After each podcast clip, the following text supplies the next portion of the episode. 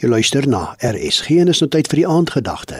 Dit word vanaand aangebied deur Dominiek Besuidenhout, emeritus leraar van die NG Kerk woonagtig in Pretoria. Goeienaand. Ah, Saterdag aand. Voel jy ook so? Ek hoop daar's iets lekker en mooi waarna jy kan uitsien vir die res van die naweek. Miskien begin jy regskuif om net nou na jou eie keuse te luister. Miskien smag jy na 'n bietjie rus môre na 'n moeilike week dalk kerk toe gaan vir geestelike lafenis en bemoediging en motivering.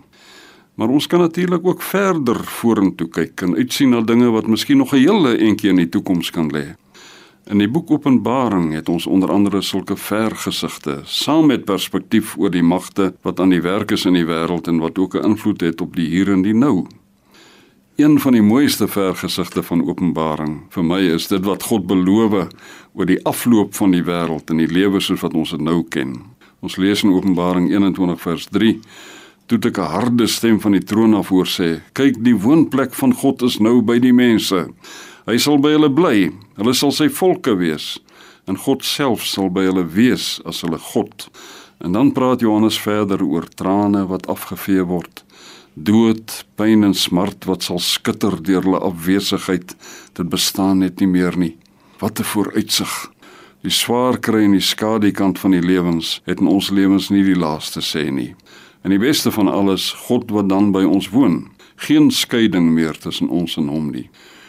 Ons moet onthou dat Openbaring nie 'n soort towerboek is wat die toekoms in detail beskryf nie. Dis 'n tipe geskrif wat genoem word 'n apokalips wat met beelde en simbole in breë trekke vir ons vertel dat ons deur Jesus Christus se genade daarin kan roem dat niks ons kan onderkry nie. Die finale note van hierdie groot simfonie is die feit dat niks ons van God kan skei nie. Oor hoe presies dit sal wees, moet jy my nie vra nie. Die Bybel praat ook nie daaroor in koue beskrywings of formules nie.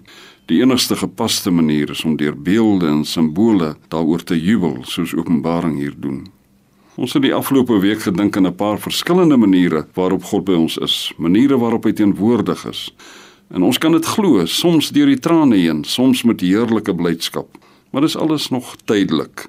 Openbaring praat van die groot klimaks. God sal eendag volmaak by ons wees. Ja, soos 'n bekende belydenisskrif dit stel, in lewe en in sterwe behoort ons aan hom. Hy's waarlik die oorwinnaar en die oorwinnaar is maar altyd in ons omgewing te vind. Dit gee ons moed en krag vir die lewe en ons roeping as kinders van die Here. Dikwels stout en altyd onvolmaakte kinders, maar altyd kinders met hulle Here binne 'n roepafstand en uiteindelik binne sig. Mag jy 'n goeie naweek verder hê. Totsiens. Die aandgedagte is vanaand aangebied deur Dominiek Besuidenhout, emeritus leraar van die NG Kerk woonagtig in Pretoria.